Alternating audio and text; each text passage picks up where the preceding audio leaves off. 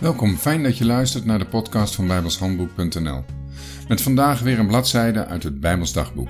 Iedere dag een korte overdenking met als doel je geloof op te bouwen en te versterken. De muziek bij deze podcast is geschreven en uitgevoerd door Jack Andrew.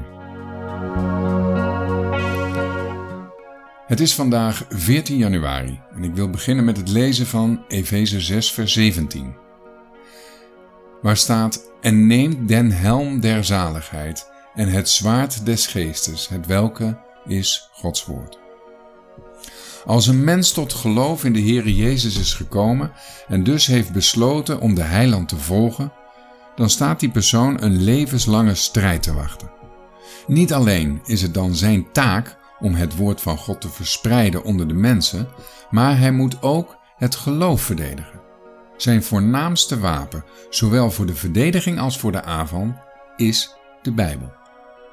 Het is het geestelijke zwaard waarmee de gelovige vijandige denkbeelden en filosofieën kan bestrijden en het pad kan effenen om Gods waarheid ingang te doen vinden in het bolwerk van het menselijk denken en menselijke wil. De Heere Jezus zelf is een prachtig voorbeeld van dit praktisch Bijbelgebruik. Het meest tot de verbeelding sprekende voorbeeld is als hij in de woestijn verzocht wordt door de duivel. Matthäus 4, vers 1 tot 11.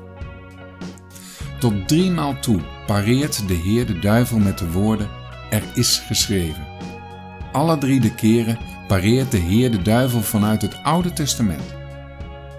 Ook mensen die hem in verzoeking proberen te brengen, bestreed de Heer met het Bijbelse woord.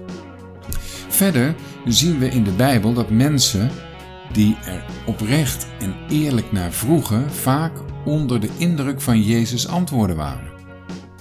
Gods woord is een machtig wapen om de denk- en handelswijze van mensen te beïnvloeden. Daarom moet een kind van God goed de Bijbel kennen.